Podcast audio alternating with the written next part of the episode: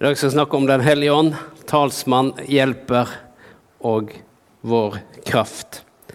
Du vet, Den hellige ånd, en tredje person i guddommen, vår talsmann, vår advokat, vår veileder, vår hjelper. Og eh, Gud har gitt den til oss. For at det livet som vi lever, skal være knytta enda sterkere til Gud og til den verden som vi, som vi lever i. Eh, når eh, Paul Manwaring var her, så beskrev han en eh, historie fra Eller historien fra Høysangen. Har du lest Høysangen noen gang?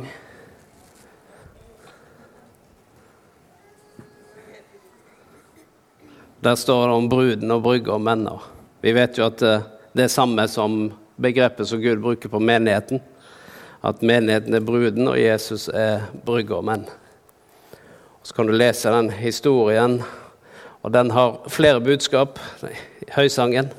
Men det, å forstå dette bildet, hva som skjer der, så må du forstå eh, hvilken tid det er skrevet i. Fordi den beskriver egentlig også Den hellige ånd som vår hjelper, midt inne i høysangen. For tradisjonen var slik at faren fant en brud til sønnen sin. Det var det som var vanlig på den tiden.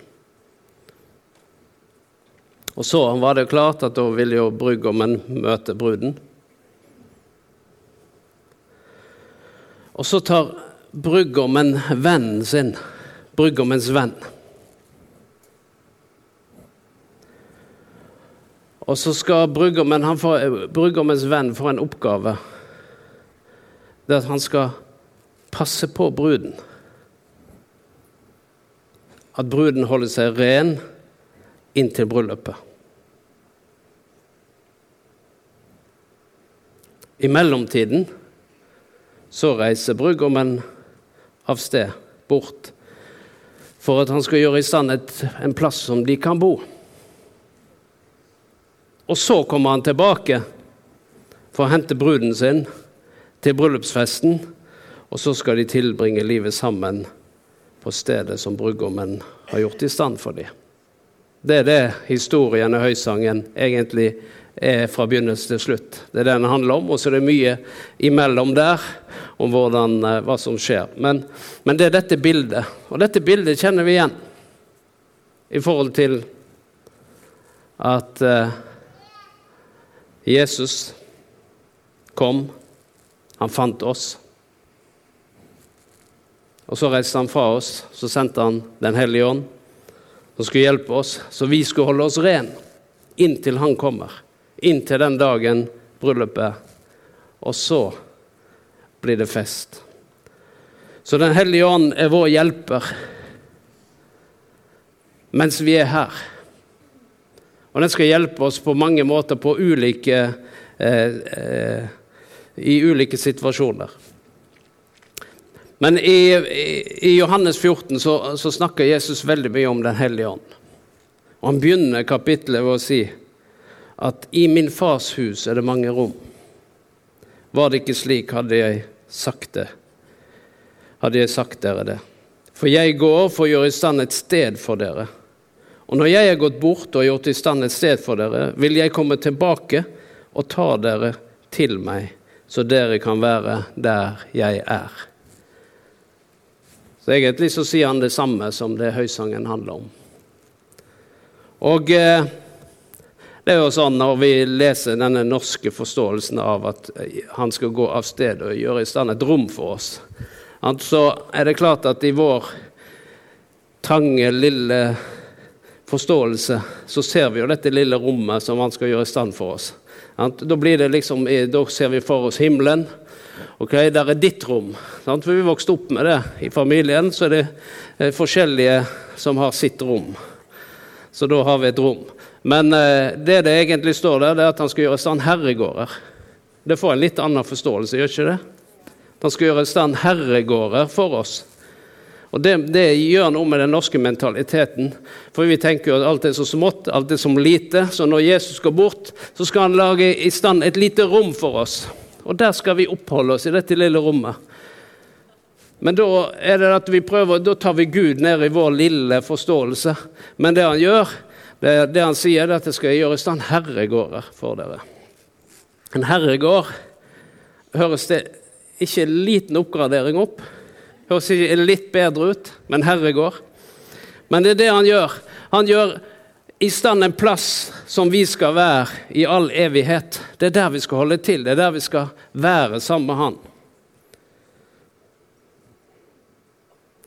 Men så sier han da i vers vers 26 Vi skal lese det. Johannes 14, 26. Men talsmannen Den hellige ånd, som Faderen skal sende dere i mitt navn, han skal lære, lære dere og minne dere om alt det jeg har sagt dere.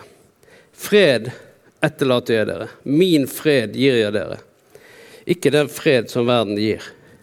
La ikke hjertet bli grepet av angst og motløshet. Dere hørte at jeg sa, 'Jeg går bort, og jeg kommer til dere igjen'.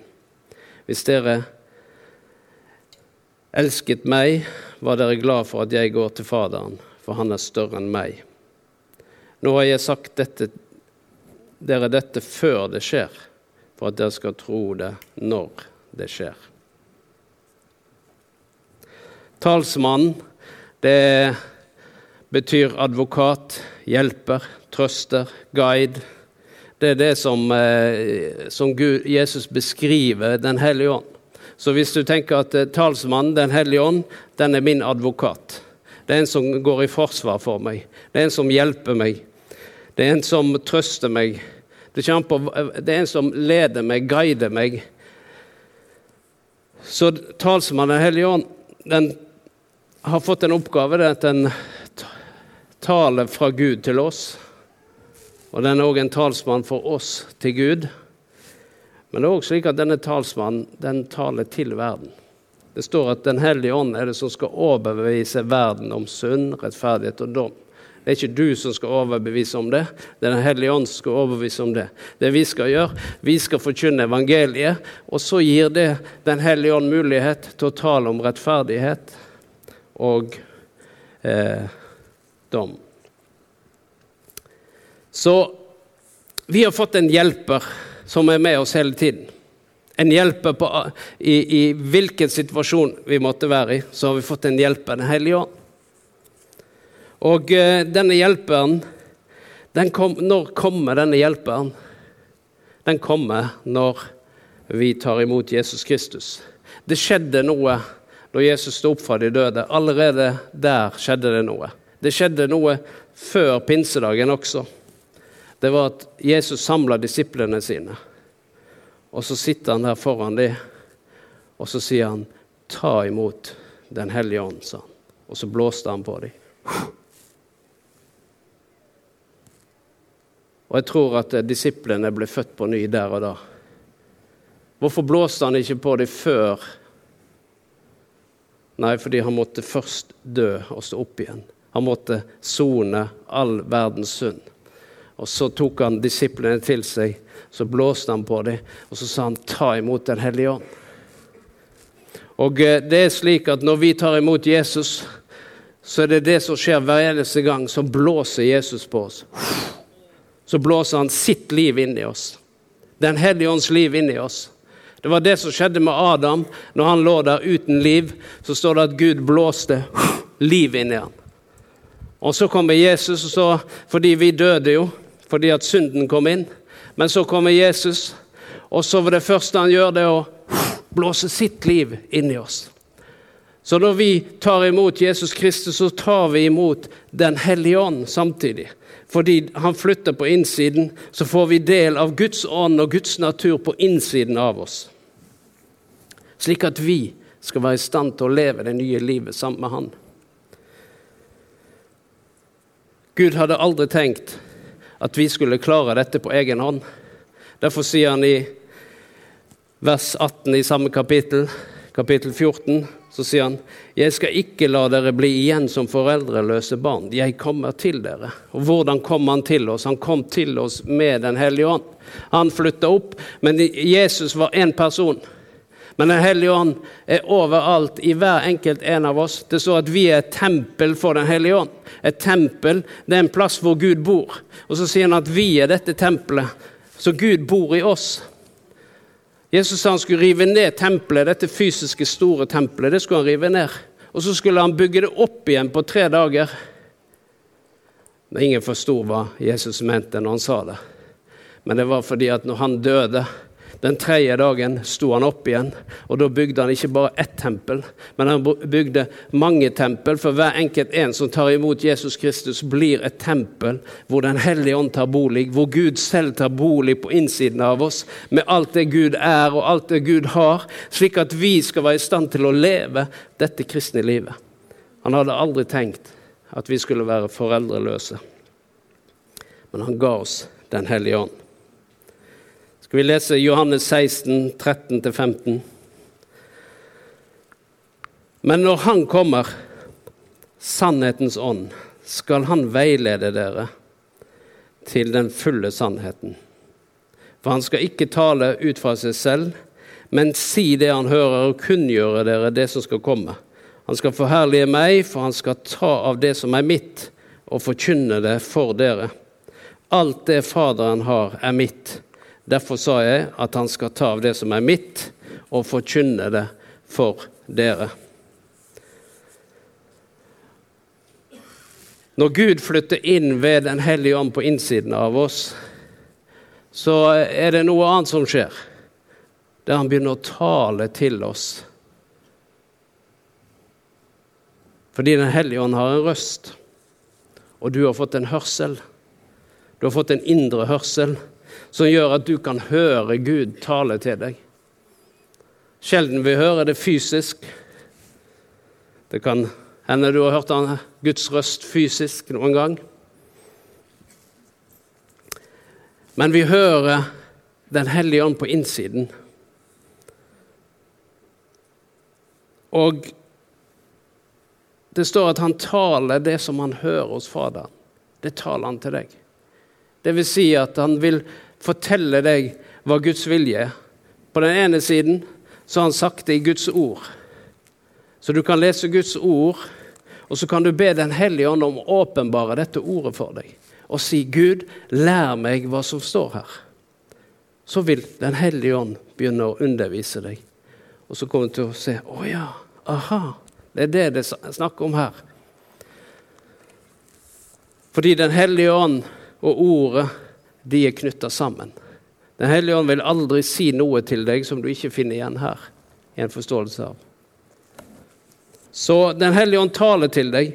Og så står det eh, i Johannes 10 at 'mine sauer', står det. Mine får, eller mine sauer, hører min røst. Det betyr at vi som Guds barn kan høre Guds røst.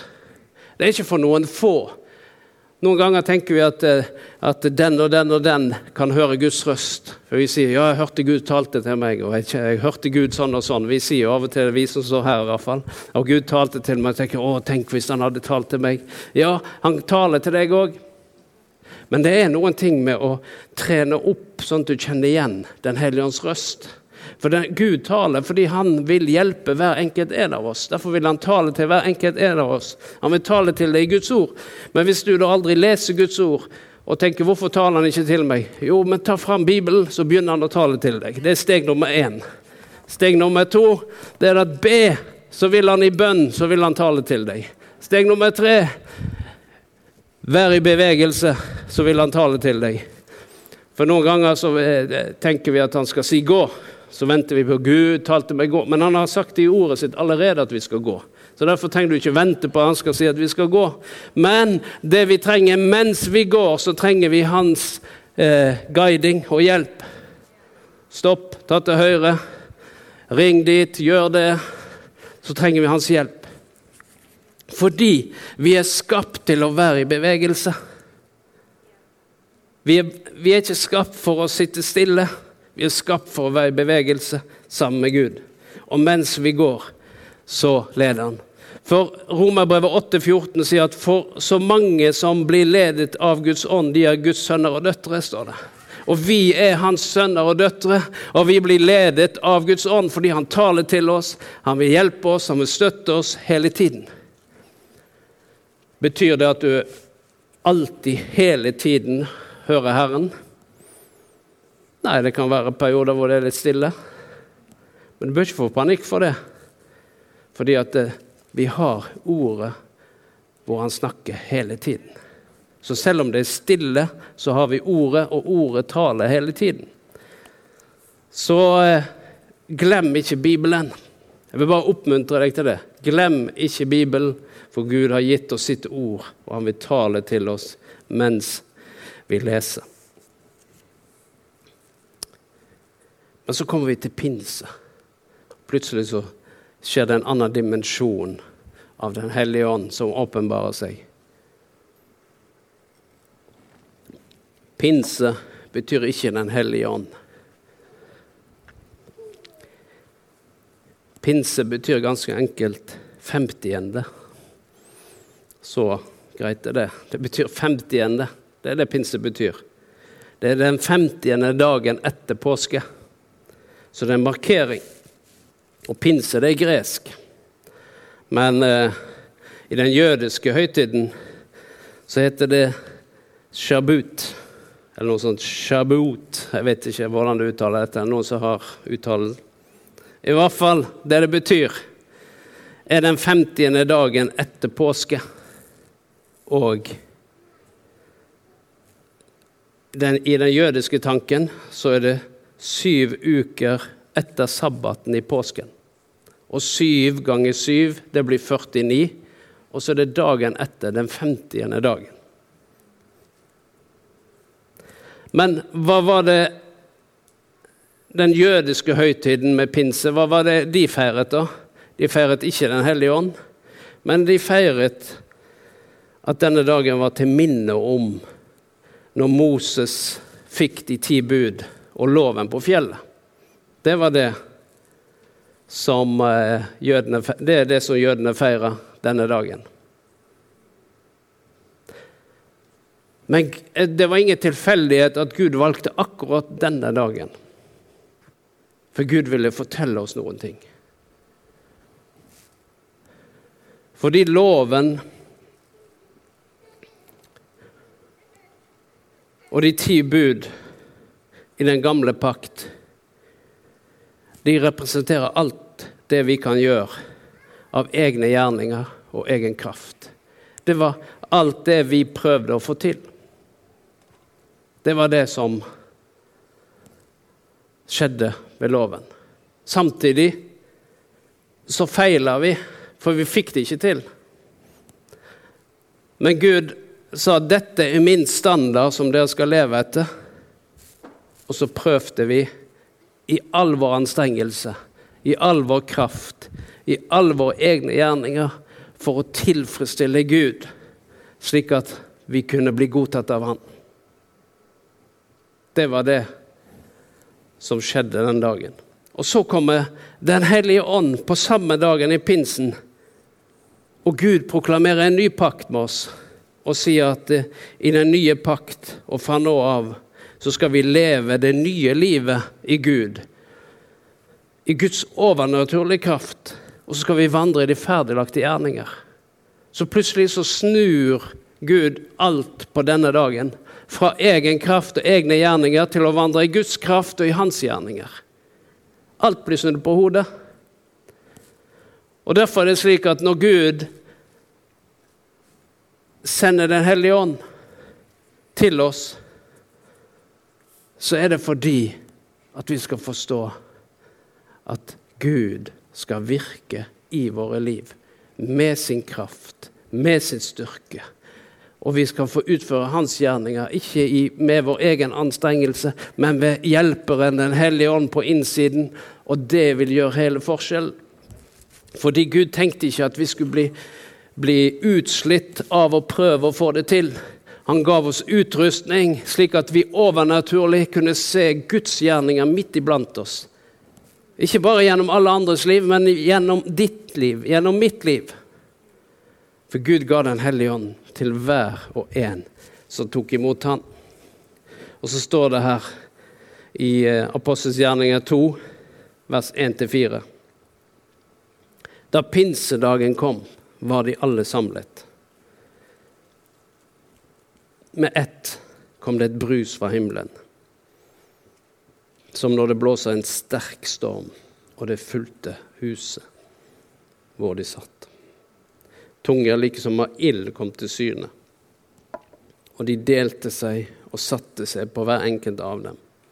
Da ble de alle fulgt med Den hellige ånd, og de begynte å tale i andre tungemål ettersom Ånden gav dem å forkynne.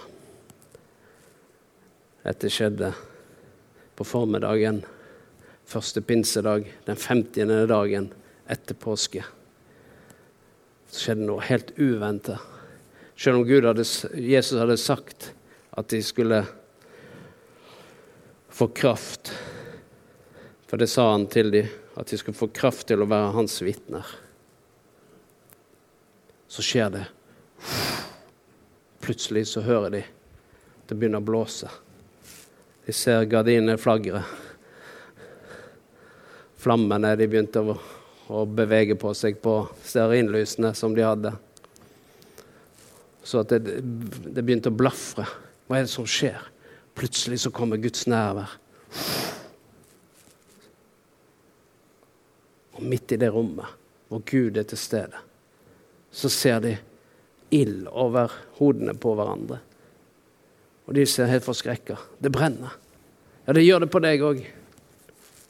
Og så begynner de å tale et språk som de ikke kan. De begynner å tale i nye tunger, sa det.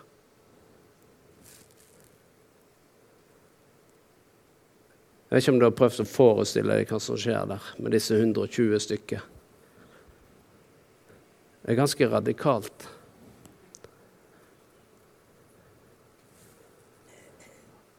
Og så er det det at når Gud gjør dette, så sier han fra nå av skal det ikke lenger gå i egen kraft. Det skal gå i min kraft.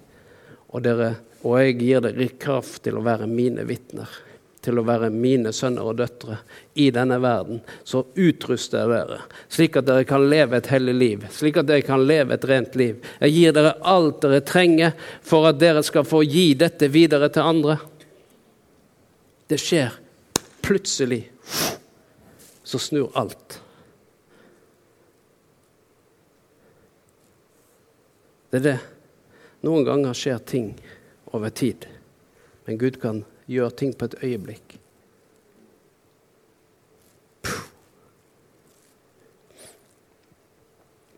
Dette skjedde på pinsedagen.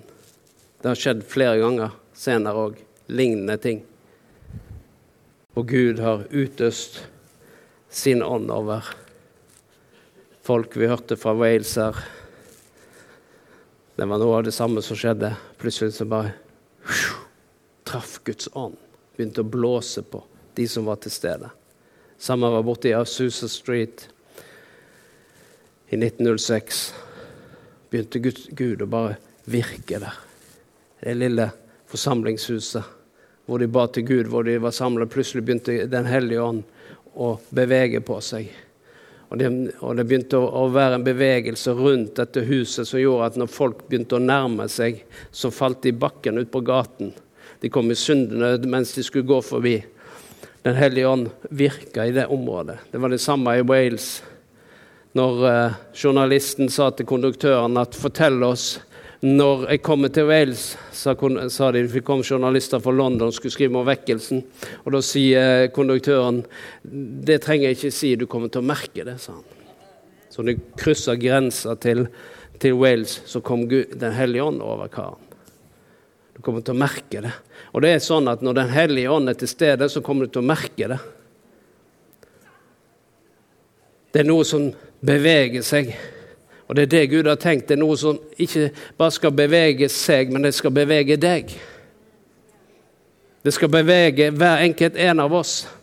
Den hellige ånds dåp er en utrustning til å leve et overnaturlig liv i denne verden. Himmelen kom ned. og Guds nærvær fulgte huset, og alle ble fulgt av Den hellige ånd.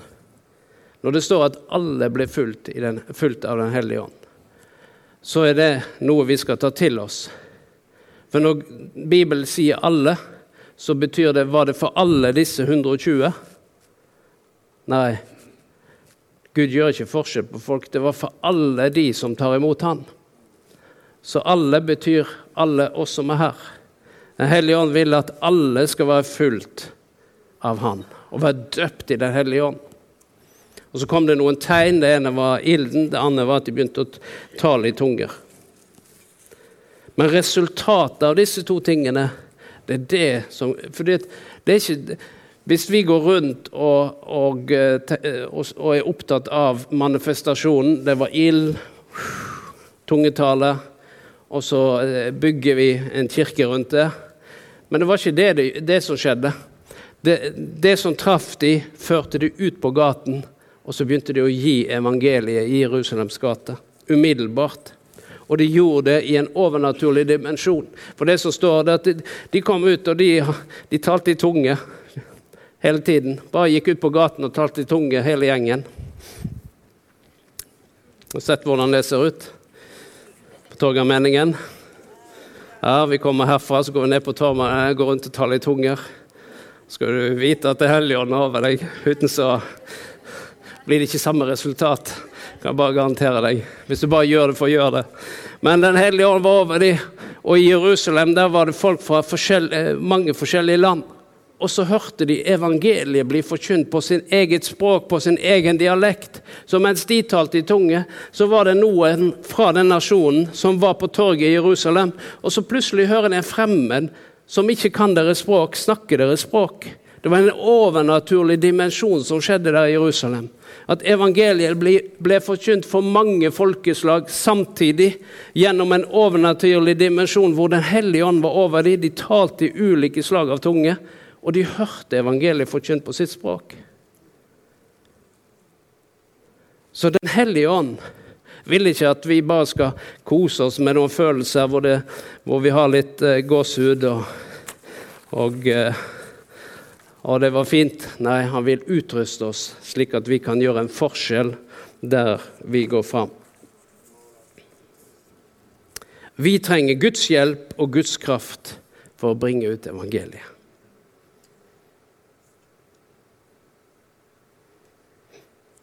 tungetale, profetisk tale, helbredelser, kraftgjerninger.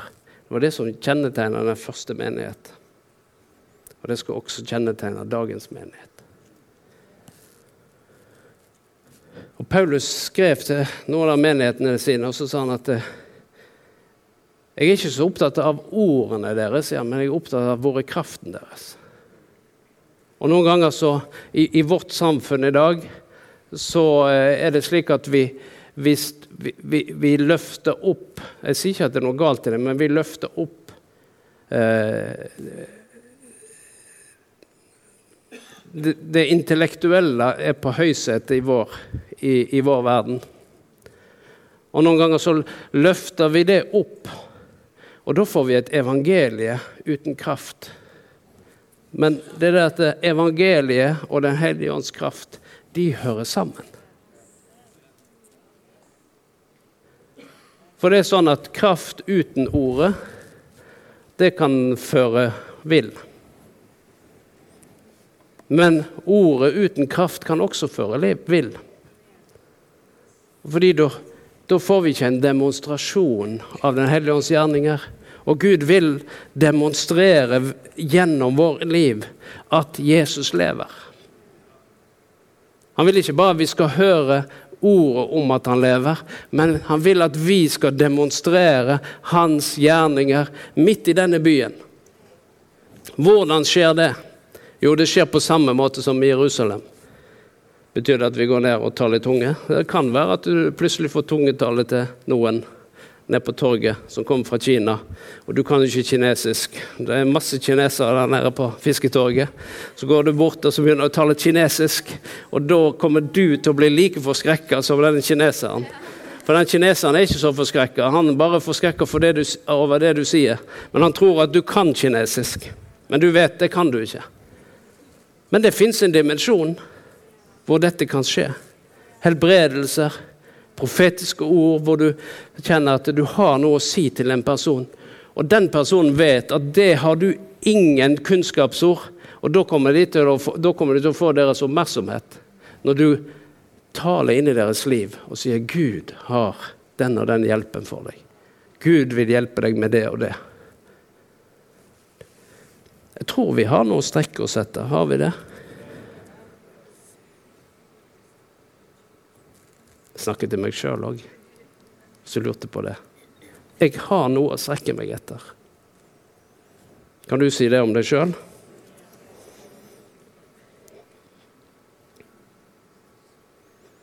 Evangeliet har kraft til å frelse og til å forvandle menneskets liv. Derfor så vil han, har han utrustet oss, han taler til oss underveis, og han har gitt oss sine nådegaver, Den hellige ånds gaver. Gud har utrusta sin menighet, dvs. Si deg og meg, med sine gaver. Dette er verktøy av Den hellige ånd slik at vi på en overnaturlig måte kan betjene mennesker som trenger Guds nåde og hjelp i sitt liv. Du kan lese om disse nådegavene, ni av de i hvert fall, i 1. Korinterbrev 12. Og Da så, sier Paulus i, i, kapittel 14, så innleder han ved å si det at eh, vi skal søke med iver etter de åndelige gaver. Så Paulus oppfordrer oss ivrig å søke etter åndens gaver. Søke etter den overnaturlige dimensjon som den ved Den hellige ånd.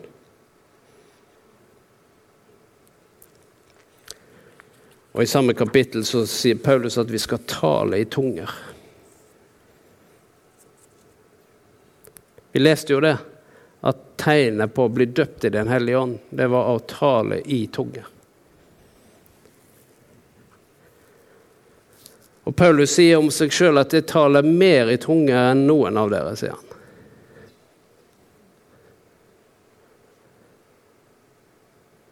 Tungetale. Den har forskjellige dimensjoner. Det ene var det vi leste om, eller det jeg sa i sted, om hva som skjedde i Jerusalem, hvor de talte i tunge på det språket som folk forsto. Men det er òg slik at tungetale så står det at en taler ikke for mennesker, men for Gud. Det er en annen dimensjon av det. En taler ikke for mennesker, men for Gud. Det står en, i, Dette kan du lese om i 1. Korinterbrev 14. Det står at vi taler hemmeligheter i ånden. Så når du taler i tunge, så taler du hemmeligheter i ånden. Det står at den som taler i tunger, oppbygger seg selv. Så det det er slik at når du taler i tunger, så driver du og oppbygger deg selv. Paul, eh, Judas 1,20 sier at eh, oppbygg dere selv på deres høyhellige tro i det dere ber i Den hellige ånd. Så det fins en dimensjon av å be i Den hellige ånd. Så står det den som taler i tunger, be om å kunne tyde. Det er slik at du kan være i bønn, du kan be. Det fins eh, nådegave om å, å, med tunge og tydning. Men det er òg sånn at du kan be om å få tyde dine egne tunger. Så Paulus oppfordrer be om at du skal kunne tyde. Så står det om bønn i ånden og sang i ånden. Jeg vet ikke om du har lest 1. Korinterbrev 14. Kan du lese om alt dette? For hvis jeg ber, og da taler jeg tunger, er det min ånd som ber men forstanden har ikke noe nytte av det. Hva så? Jeg vil be med ånden, men også med forstanden. Jeg vil lovsynge med ånden, men også med forstanden. Men når menigheten er samlet, vil jeg heller si fem ord med forstanden og lære andre enn å tale tusenvis av ord i tunga, sier han. Så det er en plass for alle ting. Men når du ber, så vil jeg oppfordre deg Hvis ikke du er, bøtt, ikke du er døpt i Den hellige ånd, så, be, så sier Gud jeg vil bli døpt i Den hellige ånd. Men det å bruke tungetalen i, som en del av ditt bønneliv, det er faktisk en veldig stor hjelp. Jeg vet ikke hvordan det er. Hvis du ber på norsk, så kan du be en stund. Men jeg syns det er veldig bra når jeg ber, så kombinerer jeg å be i tunger og be på norsk, be i tunger og be på norsk, be i tunger og be på norsk. For da bare henter du opp fra ditt indre menneske. Og mens du ber i tunger, så plutselig så kommer du på noe, og så ber du det ut. Fordi at plutselig så henter du dette fra en annen plass. Fordi det fins hodebønner. Du har sånn hodeverkbønner. Du vet hvordan de ser ut? Har du hørt om hodeverkbønner? Det er sånne bønner. Kjære Gud. Det er hodeverkbønner, heter det. Kjære Gud. Det er jo noen som ber på den måten. Men hodebønner, vil si at eh, vi prøver å finne på ting som vi skal be.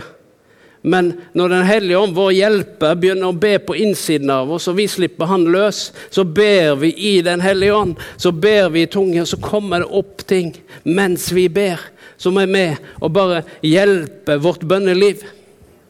Og så står det òg at eh, mens vi ber i tunger, ber vi hemmeligheter i ånden. Så du vet ikke engang hva du ber om.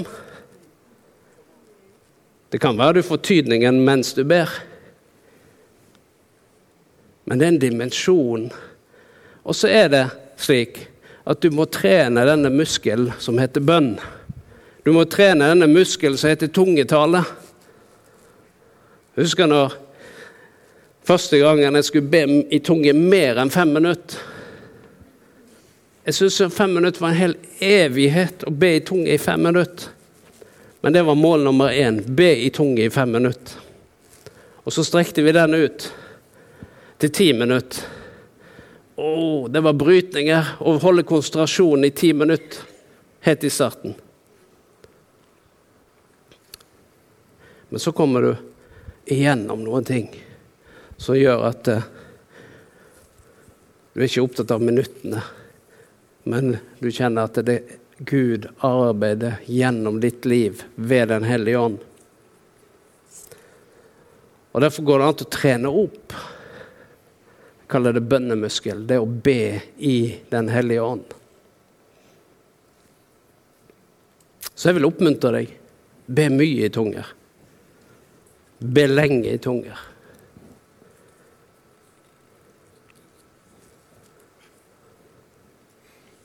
Jeg sier det en gang til.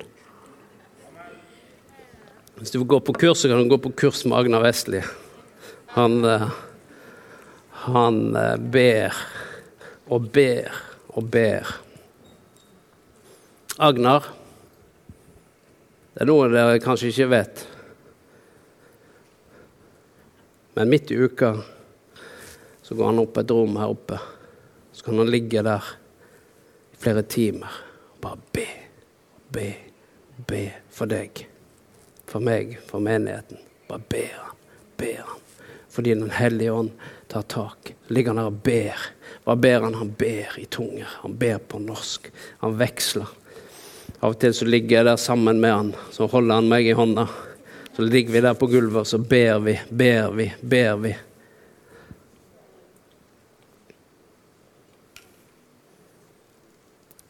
Det er en dimensjon her som jeg virkelig vil oppmuntre deg til.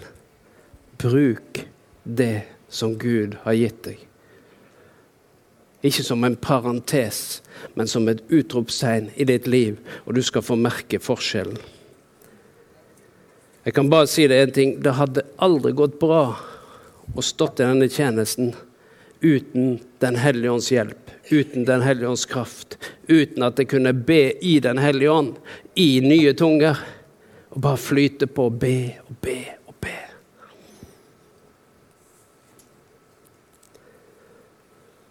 Så sett deg noen mål. Be i tunge hver eneste dag. Hvis du dusjer hver dag og syns det er viktig, så bør du ta en sånn tungetalledusj hver eneste dag. Det er flere måter å våkne på. jeg kan bare si deg. Du våkner i dusjen mens du ber. Men det er en god start på dagen. Men Den hellige ånd har gitt oss alt det vi trenger for at vi skal leve et seirende liv. For at vi skal kjenne hans styrke og kraft hver eneste dag.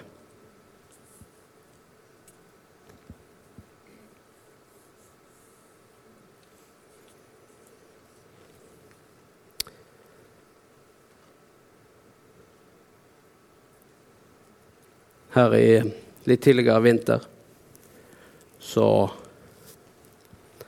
prekte Tanja, og så hadde en bønn som vi ba sammen. Herre, kom med din Hellige Ånd og ild, og begynn med meg. Og begynn med meg. Og jeg tror at uh, livet med Den hellige ånd, det er noe personlig. Og når Gud skal gjøre noe en plass, på et sted, i en menighet, i et hjem, så begynner han med hver enkelt en. Da, han, da, da trenger han noen som sier 'begynn med meg'. Begynn med meg. Og Jeg tror vi skal be den bønnen sammen i dag.